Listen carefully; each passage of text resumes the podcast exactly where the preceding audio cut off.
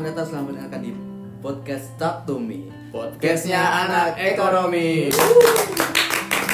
Ramai sekali sekarang ya. Kali ini bersama saya Ganang dan Saya pengganti pemain cadangan ya.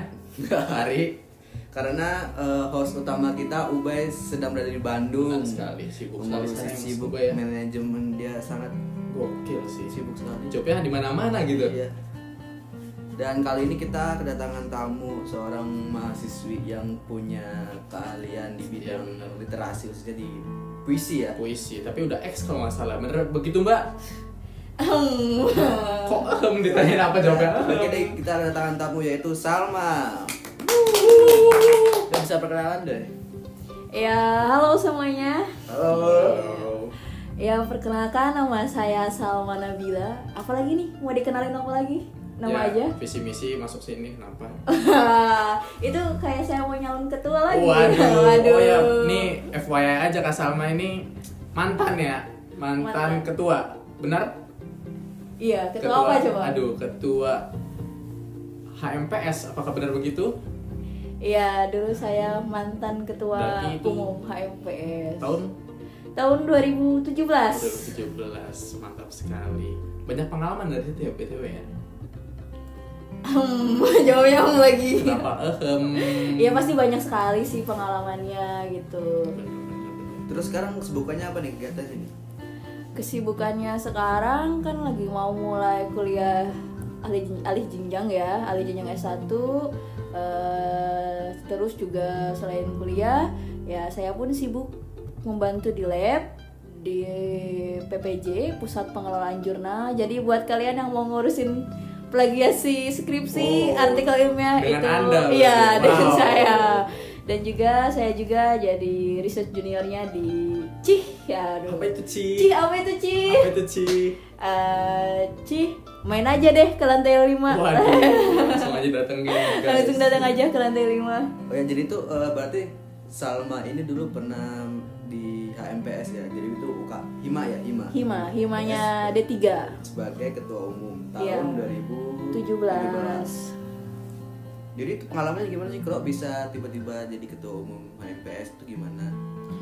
Gak tiba-tiba juga ya, karena tiba-tiba. pasti ada prosesnya juga Barangkali iseng gitu kan, ah pengen nih jadi ketua Waduh, gitu. enggak kakak Oh enggak. Jadi memang dari awal pas masuk kampus itu memang benar-benar pengen masuk di organisasi gitu karena eh, saya kan jauh ya dari Tasik kuliah ke Purwokerto gitu. Iya, iya.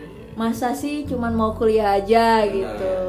Gak mau lah saya lulus hanya dengan transkrip nilai dan selembar ijazah gitu. Makanya saya dari awal masuk udah komitmen ikut kegiatan-kegiatan di HMPS entah kepanitiaannya, entah agenda-agendanya gitu. Dari sana pas ada periode saya Alhamdulillah saya memberanikan diri mencalonkan Waktu itu ada dua calon ya Kamu dulu nyoblos siapa? Eh rahasia nggak boleh itu kan. Oh, gak boleh rahasia Dirahasiakan. Iya, jadi akhirnya setelah saya mulai kegiat ikut kegiatan dari maba, saya mengenal HMPS dan di sana saya berkeinginan untuk membantu di rumah saya sendiri. Makanya saya menyalonkan jadi ketua dan alhamdulillah saya diberikan amanah oleh warga D3 waktu Wah. itu. Waduh. Luar biasa. Luar biasa, luar biasa. Tapi ternyata Salma ini juga punya prestasi atau hobi ya di bidang puisi. Gitu, Eh, bisa dibilang hobi ya kalau puisi. oh masih hobi itu. Ya, hobi hobi yang bisa dibayar. Waduh, Waduh. asik sekali. Jadi ya jadi Salma itu udah sampai tingkat yang puisi dan dibayar gitu di- dengan ya. Iya, alhamdulillah ya. Bisa alhamdulillah. menghasilkan, ya. Alhamdulillah. Kan pekerjaan yang paling nikmat itu ketika hobi bisa dibayar. Benar, benar, benar, benar. Awalnya gimana sih bisa tertarik dengan puisi gitu? Awalnya itu dari SD ya. Maksudnya singkat cerita, SD itu saya mewakili SD saya lomba di kabupaten kalau nggak salah waktu itu Langsung SD. kabupaten. Iya, kalau nggak salah apa kecamatan apa apa gitu ya. Kalau saya dulu masih lomba sekeluarga. Oh. Kalah itu juga. Oh iya, kalau saya mewakili SD alhamdulillah ya Bagus lebih sekali. mending ya. Benar sekali. Waktu itu mau lomba baca puisi dari SD, alhamdulillah juga dapat juara.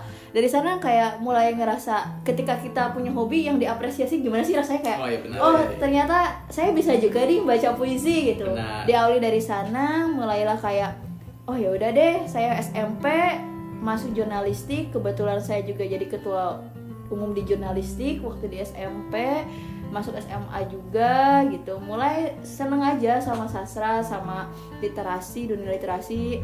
Kalau saya mengerucut ke puisi gitu. Terus waktu SMA saya ikutan ada kayak pramuka internasional di Gontor itu. Waduh. saya ikut lomba waktu itu bukan puisi Apa tapi dongeng. Oh dongeng. waktu SMA itu dongeng. Setelah itu kuliah mulailah saya eh, lebih menekuni bener-bener menekuni puisi itu seperti apa kayak gitu. Main-main dengan komunitas-komunitas puisi gitu. Alhamdulillah eh, saya pun setelah sering ngobrol-ngobrol ya apa namanya ngobrol-ngobrol santai lah. Iya, kan di sini juga ada UKM ya Iya, ada benar. margin ada Sasmi. sasmi gitu. Alhamdulillah eh, saya mulai berani tampil gitu. Mulai berani tampil sering lah kayak di acara-acara playlist mingguan Wah, sekali, gitu playlist kan. mingguan. terus juga tampil di acara hima-hima kalau ngundang acara pembukaan acara. Alhamdulillah udah mulailah diundang-undang. Baik. sampai alhamdulillah pernah saya pertukaran pelajar ya di Jepang. Iya. Eh, Ditukar saya apa ditukar apanya ini Dia tuh kan ada kerupuk. Waduh, waktu itu di Kyoto Saya University ya, saya eh, sama tim nyanyi sekaligus ada pembacaan puisinya juga Oke. gitu. Wah sangat makan sekali ya. Dari puisi loh, dari puisi bisa sampai ke Jepang. Oke. Di pertukaran pelajar Pertukaran ya. pelajar. Iya waktu itu. Nah terus pas waktu kan nih SD nih. Ya. Nah itu dicemplungin bisa ke puisi itu emang kemauan sendiri apa disarin orang tua dulu nih? Paksa guru dong. Paksa dulu memang awalnya memang dari pemaksaan. Iya, lama-lama terbiasa. Terbiasa. Tapi jadi enjoy gitu ya. Iya, jadi enjoy. Dan, Jadi mm-mm. apa yang menarik sendiri? Jadi aduh kok lama-lama enak juga nih gitu kan ya. Iya. Bener sih, terus juga saya ngerasa bahwa kadang kan ada orang yang bilang, alah cuman baca puisi ya, Ah, kadang bener, ya bener, suka bener. menyepelekan gitu. Padahal itu tuh salah besar, salah besar gitu. Puisi itu bukan hanya sekedar membaca seperti kayak membaca buku atau novel, Iya, itu iya. gak seperti itu gitu. Puisi itu malah kita tuh memaksimalkan potensi yang ada pada diri kita untuk memahami sebuah karya, sebuah puisi, lalu kita sampaikan dengan suara dan ekspresi yang tepat gitu. Jadi gak bisa nih sembarangan dikasih Langsung eh, dibaca gitu naskah, baca puisi dong. Wah saya kalau saya pribadi nih Iya, ya, iya. saya gak bisa kalau Oh, kayak jadi gitu. harus ada beberapa proses dulu Iya. sebelum dibaca. Sebelum gitu. dibaca ada proses Oke. terlebih dahulu. Kompleks juga ternyata ya. Saya baru tahu loh masih ada seperti ini. Iya.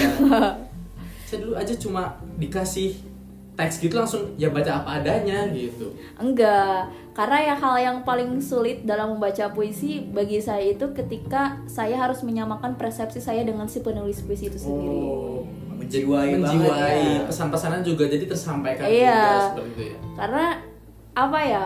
Kita juga harus tahu nih si penulis ini tuh maksudnya mau ke arah ke mana biar kita menyampaikannya juga tidak salah gitu. Baik. Terus juga setelah kita memaknai isinya ke mana, gak langsung bisa langsung dibaca. Wah, Jadi di- apa dulu? selanjutnya tuh kita juga harus kayak kalau apa ya bahasanya ini saya pakai bahasa pribadi aja Ya, ya, Kak. ngedit lah Ngedit. ngedit titik Sunting, komanya di mana Benar. Gitu.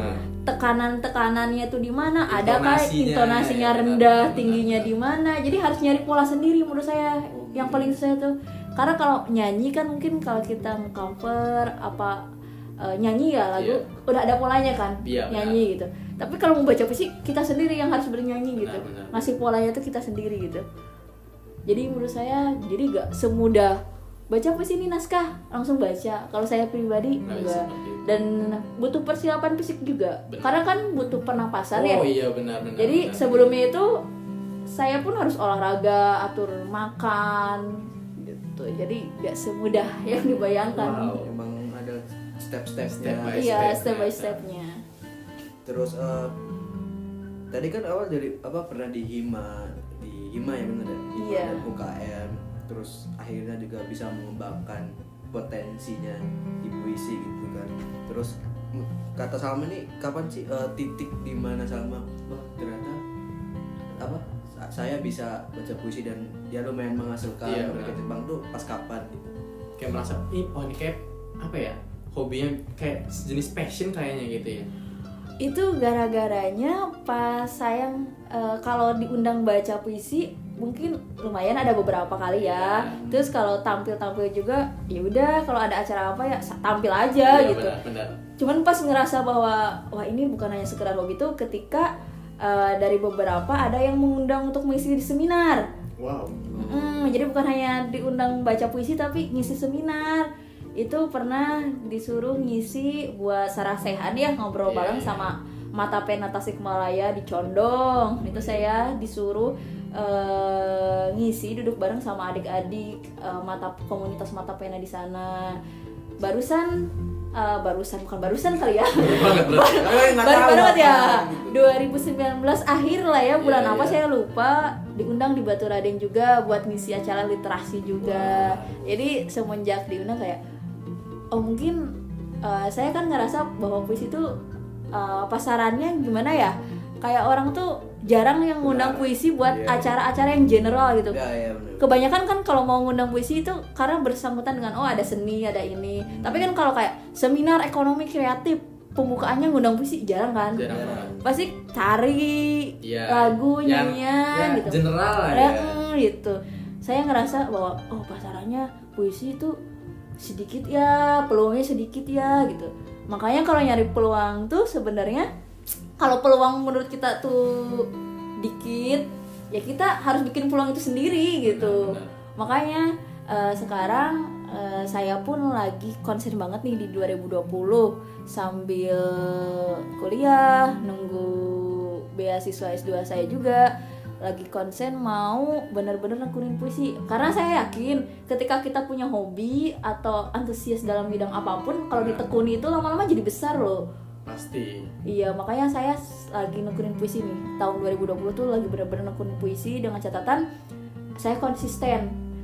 Eh, saya sedang sekarang lagi mau mencoba hal baru ya dalam Iya, puisi. Eh, jadi saya nanti mau, wih rahasia nih, mau compare antara puisi dengan musik, dengan lukisan juga gitu. Di pasir kayak dari waduh. Waduh. Iya, saya terdekat ini saya terinspirasi oleh salah satu pengamen di Banyumas. Itu bapak-bapak yang mungkin anak unsur udah tahu lah yang di depan unsur yang suka pakai petikan itu loh. oh yang di Khas ini Banyumas. salah satu toko Toko lah swalayan Iya, lah ya. toko itu swalayan. setiap malam endorse. sekali Iya, iya. tahu kan yang dipetik Oh, gitu? iya, tahu, tahu, itu kan tahu, tahu. bapaknya ngamen tapi bawa sertifikat bahwa Iya, beliau adalah benar, seorang seniman. iya iya Nah, saya ngobrol-ngobrol sama beliau gitu. apa itu Saya nanya, saya kok unik banget alat musiknya dari mulai Pak ini alat musik apaan? Terus Pak, saya pengen belajar gitu. Akhirnya eh, mulai dari bulan Februari ini besok ya, saya udah mulai beli alat musiknya. wow Walaupun nyicil, aduh, Tidak apa-apa. ketahuan. nyicil terus saya tiap malam belajar bareng sama beliau. Beliau ngamen, saya liatin saya belajar oh jadi bareng. kursus jatuhnya Iya, kursus sekalian ngamen. Iya. Duet. Duet. Iya, jadi nanti saya mau kompres dengan puisi. Jadi uh, tradisionalnya tetap ada gitu. Jadi saya mau menjaga kelestarian musik juga gitu. Kebetulan saya juga senang musik. Jadi saya nanti mau cari hal yang berbeda gitu dalam puisi itu gitu. Jadi biar puisi itu uh, gak apa ya gak hanya sekedar membaca gitu nanti banyak perbaharuan-perbaharuan yang mau saya buat gitu di tahun ini buat puisi oh iya.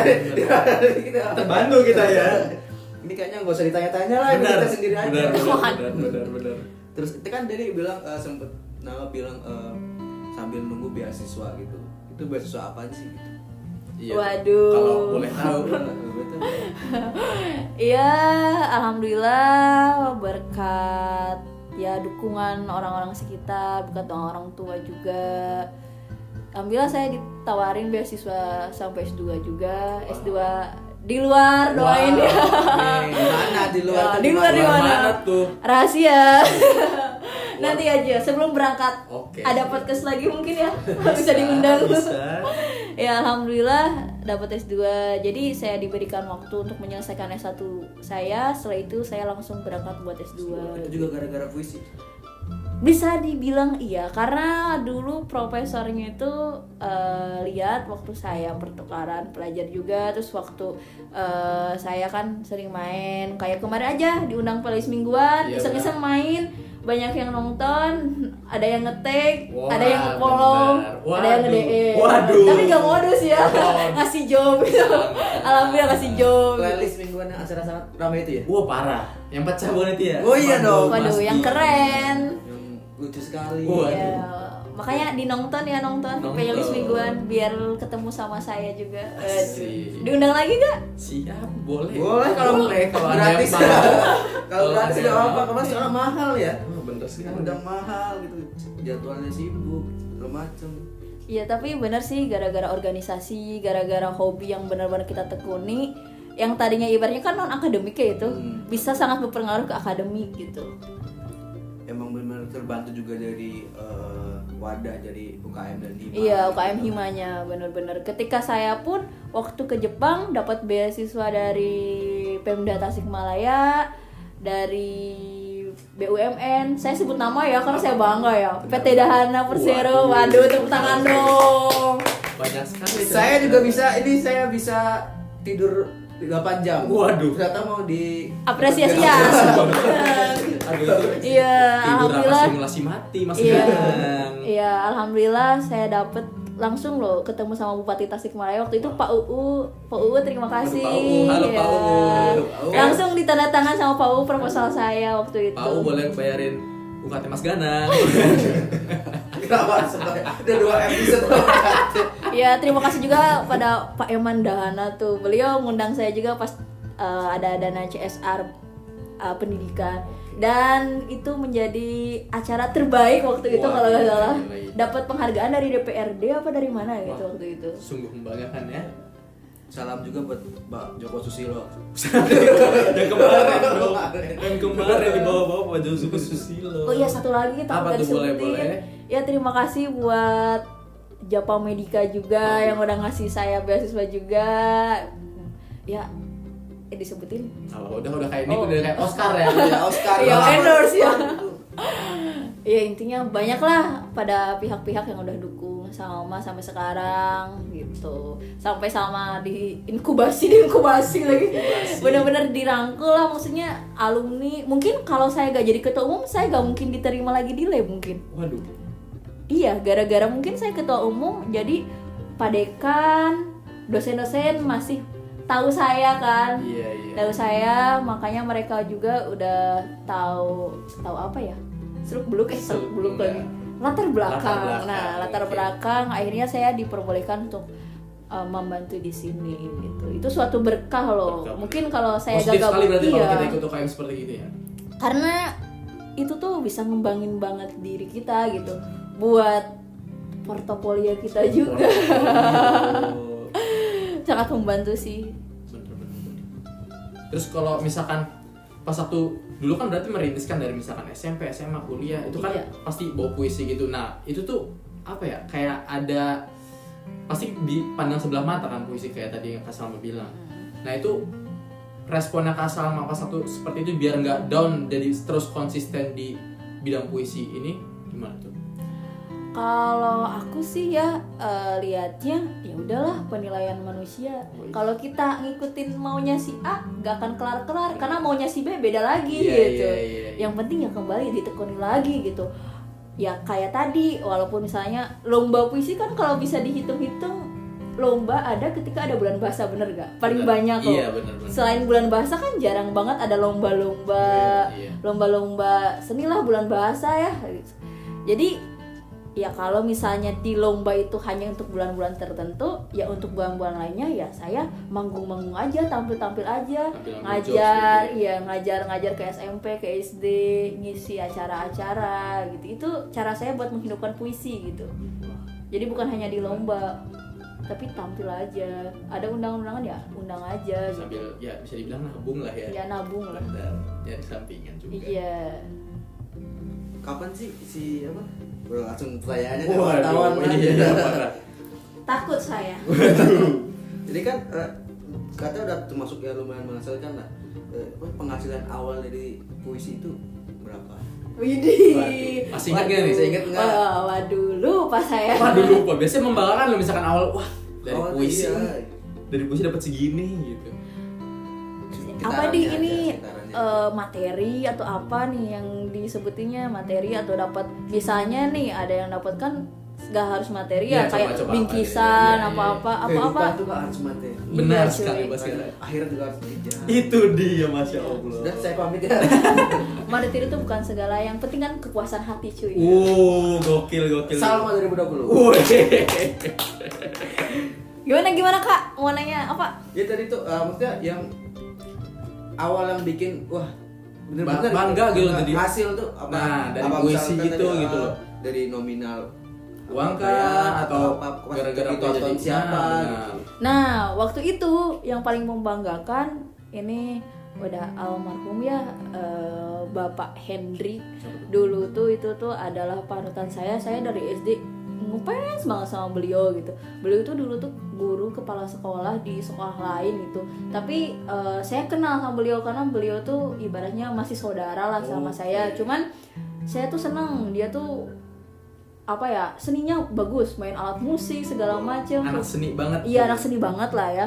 Waktu itu saya main puisi, kebetulan jurinya beliau. Oke. Terus juga eh, saya bisa tampil eh, di hadapan beliau dan beliau sambil sampai standing applause gitu. Wow. Waktu itu itu suatu kebanggaan waktu itu. Terharu. Terus iya, habis itu saya dikasih uang waktu itu 15.000 ribu zaman SD itu gede banget kan iya, bisa Terus wah, iya, bukan hanya uangnya, tapi saya waktu itu dapat penghargaan pertama saya waktu zaman SD dari puisi. Itu yang membuat saya bangga. Iya, iya, iya. Gitu.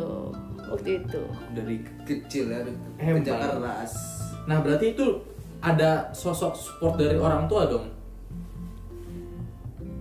Kalau dari orang tua, kebetulan bapak saya itu pendiam ya. Wah benar.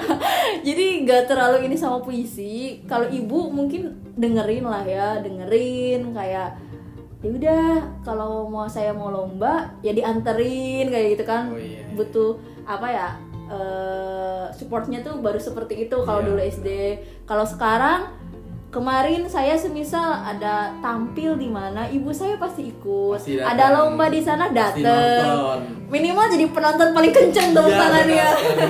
itu ibu saya yang paling Bangga lah pasti anaknya tampil di depan gitu kan. Iya, waktu itu juga waktu menerimaan menerima beasiswa dari Bupati Subang sama Tasik, ibu saya juga yang nemenin waktu itu. Saya juga diwawancara sama apa ya radar apa apa ya waktu di Subang. Ibu saya pun nemenin saya gitu. Jadi ibu sih. rada nupir Waduh rada nukir jangan. Bukan ganang. ya nanya nggak diam aja nih Berarti- saya yang Berarti saya tanya ban, BTW nih. Coba nih, misalkan Kak Salma kan berarti di kuliah juga kan pasti apa ya akademik sama puisi. Kok puisi ini kok nggak hilang gitu pas waktu lagi kuliah? Ngatur Enggak. waktunya. Apa Nah, gimana? atur waktu seperti itu maksudnya gimana ya? Jadi kayak biasa juga ada mood-mood tersendiri jadi kayak bisa ditinggal gitu loh puisinya biasanya. Nah, tapi Kak Salma kok masih bisa konsisten konsisten seperti itu. karena itu hobi ya kesenangan tersendiri ketika udah mumet di kelas ketika udah mumet di Oh. ngurusin organisasi baik. ataupun apa kadang saya suka uh, ke margin walaupun saya bukan anak margin ya Nongkrong, tapi ikut nongkrong. ikut nongkrong nanya-nanya lihat latihan ikut latihan gitu. Jadi ibaratnya itu tuh buat apa ya refresh otak nah, saya. Kalau puisi juga iya. ya. ngerefresh otak itu dengan puisi. Kalau saya makanya nggak pernah saya tinggalin gitu. Dan saya pun masih belajar sampai saat ini. Jadi eh, saya seneng ketika misalnya ketemu sama seniman seniman di, seniman seniman di Purwokerto ngobrol dapat ilmu baru gitu karena puisi kan nggak bisa nih misalnya eh, ini baca puisi paling bener tuh kayak gini Nah, iya. paling bagus tuh kayak gini Hmm. karena setiap orang punya nilai masing-masing punya ciri khas masing-masing gitu. nggak ada patokannya lah gitu. iya gak menurut saya tuh seperti itu gitu ya Ya krik krik krik. Aduh. jangkrik dan eh, gimana ya? Ini kan udah bener-bener emang dari awal gitu dari kecil di emang belajar terus step by step terus juga dibantu dari apa? Hima ya hima UKM gitu tuh terus juga bisa konsisten gitu dengan akademik gitu nggak nggak timpang salah satu. Sampai akhirnya juga dapat beasiswa ada tips nggak sih misal buat ya misal ada mungkin pendengar mau belajar puisi itu awal gimana Nah, iya, atau enggak cara biar tetap konsisten lah gitu Hmm, Oke. Berat ya kalau ngomongin konsisten. emang Kalau buat aku sih eh, gini ya teman-teman, apalagi ini mungkin yang banyak dengerin mahasiswa ya. eh belum tentu Iya kan paling banyak lah ya. Pak Suli dulu. Oh Halo, iya. Bapak Suling, Halo. Pak.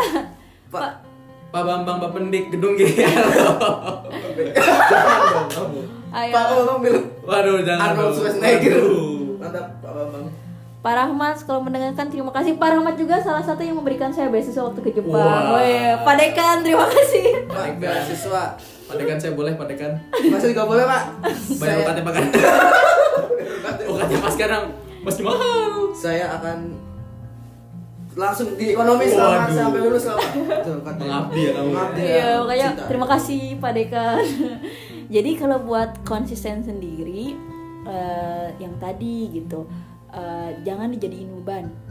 Malah itu dijadiin eh, kesenangan tersendiri gitu. Di saat kita udah capek, udah lelah, hobi itu dijadiin buat penyemangat kita lagi gitu. Kalau saya gak dijadiin beban karena saya suka oh gitu. iya benar. Kalau udah hobi pasti gak akan ditinggalin. Bener bener. Sesibuk apa pun kalau cowok udah suka main game ya main game. Ah. sesibuk apa pun pasti gitu. Karena Iya, itu iya, iya. perepres otak kita kan Benar. gitu. Kalau ditanya buat ngembangin untuk mahasiswa untuk mahasiswa nih gampang banget. Sekarang kan ada UKM bener banget sih. Hobi kalian apa? Ada yang futsal ada yang basket ada yang Iya, nyanyi ada ada yang ya. bisa masuk OR bisa masuk sasmi margin effects efek Efek, Effect. Oh, iya. effects. maaf orang Sunda F dari F oke maaf Iya, ya orang bener. Sunda orang Gesarwa artinya. orang Gesarua tuh ya Ah, orang Sunda. aing macan kan liar baru dak ya Nah jadi bisa dikembangin di UKM Hima. Kalaupun eh, misalnya gak di UKM Hima kan banyak komunitas-komunitas juga Yang di luar, gitu, yang ya. di luar juga. Ibaratnya ya sekarang mau belajar udah gampang ya teknologi semakin Bener, canggih. bener, bener. Saya pun kadang suka lihat-lihat di YouTube di mana-mana gitu buat referensi aja sih gitu. Terus juga saya tuh sekarang malah eh, di 2020 juga sebelum saya pergi meninggalkan Indonesia tercinta, Wow. aduh. Jadi saya roadshow ke SD-SD, Waduh, ke SMP? SMP, SMA, SMA, ngobrol-ngobrol tentang puisi aja gitu. oh jadi meng- mengedukasi gitu ya Ya, Edukasi. ya saling belajar lah Saling ya. belajar. Soalnya ada mie ayam enak nih di Jalan Cendrawasih. Waduh, Waduh, waduh, waduh. Itu yang deket Takasigen itu ada mbak-mbaknya yang jualan mie ayam. Dia suka ada bimbel di sana anak-anak kecil. oh Nah, saya coba iseng-iseng macan main puisi loh di sana baca Iya, iya. puisi. Anak-anaknya seneng. Jadi, gitu. uh excited banget sampai saya ke kosan mereka samperin saya. Waduh. Ayo baca puisi lagi, Mbak. Dipaksa jadi Iya. Akhirnya saya dapat mangkok mie ayam setiap malam. Iya. tersendiri ya Iya, jadi eh, saya berpikir loh kok orang ketika denger puisi bisa langsung antusias gitu. Iya. Itu kebahagiaan tersendiri. Makanya kalau habis dari kampus malam-malam setiap seminggu dua kali apa seminggu sekali saya pasti baca puisi bareng anak-anak. oh Iya. karena pengen mie ayam kan ayo Waduh. ayo anda lapar kan Iya, karena dapat gratisan satu mangkok. Enggak, tapi benar-benar itu kesenangan tersendiri gitu. Ketawa bareng, belajar bareng, mengekspresikan sesuatu gitu. Iya. Bagus sih dengan eh, rencana juga mau maksudnya mau dikasih ke SD SD rencana Bener, berarti di sekitar Purwokerto gitu-gitu kan dari awal. Ya mungkin dari SD SD atau SMP sekolah yang mau didatengin Salma ini bisa kirim-kirim DM lah ya Pak ya. Ya, gitu. DM lah Instagram, ke sekalian follow ya. Kalau bisa ke Salma IG-nya apa? Salma Nabila M. Bila M atau bisa ke @uncutfeb Nah, untuk benar. menanyakan dan bayar UKT saya. waduh beda kata anda Ya udah apa lagi nih? apa lagi dan eh, ya berarti kan dari awal juga gitu ya eh, kita tuh jangan membatasi diri kan kalau kita mau belajar udah difasilitasi banyak kok di misal di kampus kampus juga udah ada UKM segala Iya, macam benar. juga bisa belajar sendiri yang penting kan kita juga Ada nggak cuma- kemauan nggak sih? ada kemauan, terus kita juga mau nyoba gitu kan nggak cuma misal latihan kan nggak cuma baca di cermin Benar. eh, ngomong di cermin Iya, gitu kan iya. Kita Keberanian juga- lah, iya harus keberanian. berani naik panggung segala macam gitu kan Iya, iya. Ari ada yang mau tanya Ya apa ya selalu bingung saya lama-lama. pegangan kalau gitu. Waduh. waduh jadi, wow skip jadi biar puisi itu apa ya salah satu kamu bisa mengekspresikan diri kamu sendiri Kan nanya maksudnya gitu. enggak aku yang ngomong sama kamu kalau lama gaji ya banyak deh gue salah nih eh, kan pasti udah sering bacain puisi ya menurut kamu yang puisi paling Ulang ulang susah? ulang ulang. puisi paling deketan sih waktu ulang. puisi paling susah yang Ulangin pertanyaannya. Oh. kenapa harus diulang sih Enggak. oh gitu dengar Enggak. Ulangin. Tuhan Tuhan dengar. Ulang. Eh, kan tadi udah bilang eh, pasti udah banyak juga yang apa baca-baca puisi kan terus menurut sama tuh puisi si- karya siapa sih yang susah untuk apa meresapi gitu-gitu ya paling susah ya Heeh. Aku sih eh setiap membaca ya karya orang itu semuanya hampir susah ya. Hmm. karena benar-benar kita harus memaknai. Kadang aku pun nggak langsung memaknai sama aku sendiri loh. Kadang aku harus berdiskusi dengan guru-guru mungkin seniman-seniman. Ini maksudnya kayak gini ngobrol-ngobrol dengan orang lain teman-teman ah, apa ya ngobrol-ngobrol dengan anak-anak margin juga iya. gitu. Ini gimana ya maksudnya? Kadang bedah bareng bedah bedah puisi gitu maknanya itu ke mana gitu menurut saya sebenarnya susah sih cuman karena ditekuni ya jadi belum ini belum ngalamin sulit-sulit banget gitu belum sih tapi yang paling favorit nih ya yang sering saya bawain itu karya Putri Wijaya iya, iya. Anda tahu? tahu Wow, mantap sekali. penulis puisi kan Aduh, mantap.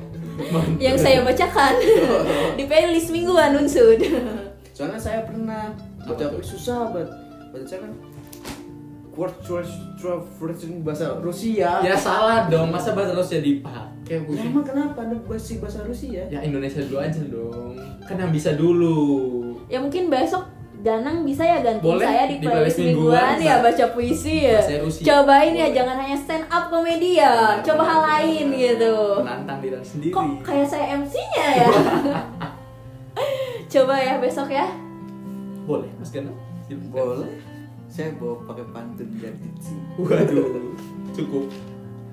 ya paling cukup ada nanya lagi Ya mungkin ada nggak nih pesan Kasama buat apa ya? Ke teman-teman yang apa ya? Jadi dia pengen nekunin hobi tapi masih ragu karena masih di kuliah juga gitu loh. Oke. ya udah ngomong dong ngomong dong. Oh, jawab ya. Iya tampar Oke, jadi buat teman-teman yang sekarang lagi kuliah gitu, eh, pasti kan hobi kita berbeda ya. Ada yang mungkin suka di olahraga, bidang seni, bidang lainnya gitu.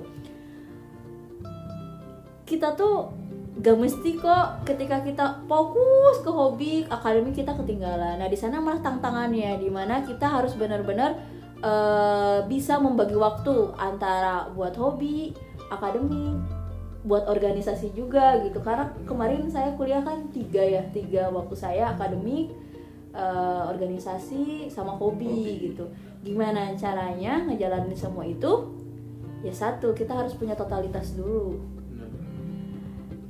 Tapi kalau kita udah yang namanya hobi insya Allah itu bukan jadi beban kok beneran. Itu malah jadi merepres otak kita ketika kita keluh dengan kuliah yang tuh sudah tadi saya katakan gitu. Terus jangan pernah me- apa ya melihat sebelah mata gitu. Kalau kita cuman suka kayak apa ya kayak nganyam gitu tau gak kayak tahu tahu tahu. kayak apa sih? Itu kan Sunda ya? Menganyam, menganyam ya? menganyam. menganyam kayak gitu kayak ah sederhana banget simpel banget. Tapi kalau lama-lama ditekuni kita bisa membuat suatu karya yang mendapatkan nilai jual yang tinggi Tinggi, gitu. Jadi yang penting ditekuni aja teman-teman gitu. Saya pun udah putus asa kayak nggak akan lanjut sekolah lagi kuliah lagi. Tapi tiba-tiba Allah kasih jalan saya eh, bukan hanya lanjut sampai S1 bahkan sampai S2 gitu. Jadi intinya percaya aja ketika kita punya kemauan ketika kita punya niat baik insya Allah Allah selalu kasih jalan gitu. Dalam artian pembagian waktu kita apa pun itu gitu insya Allah lah kalau niat kita udah kuat Baik. ya pasti dikasih jalan pasti ya pasti Amin, amin, Iya. amin. emang kalau jalan mah dari mana aja bener nggak iya maksudnya? benar random banget gitu loh iya hal yang nggak disangka-sangka gitu Nah, ya mungkin sekarang di sini kita bukan siapa-siapa ya Itu tapi kan dia. nggak tahu besok Betul. gitu besok tetap siapa?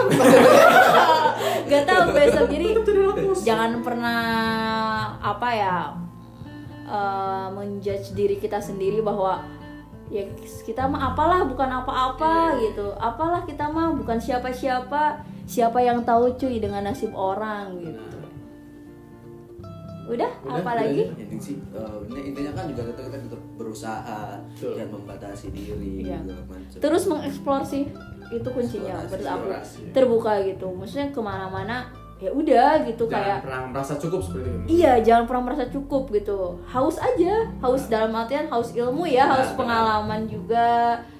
Ya kayak kemarin ngedadak Sa, eh, Sal, ayo dong manggung di acara kita mingguan gitu. Ya udah gitu. langsung lanjut Langsung lanjut eh, gitu. ternyata pecah gitu kan Ya, pecah. Lagi Alhamdulillah follower saya bertambah. wow Alhamdulillah ada job gitu. Alhamdulillah ada DM. Iya. Eh.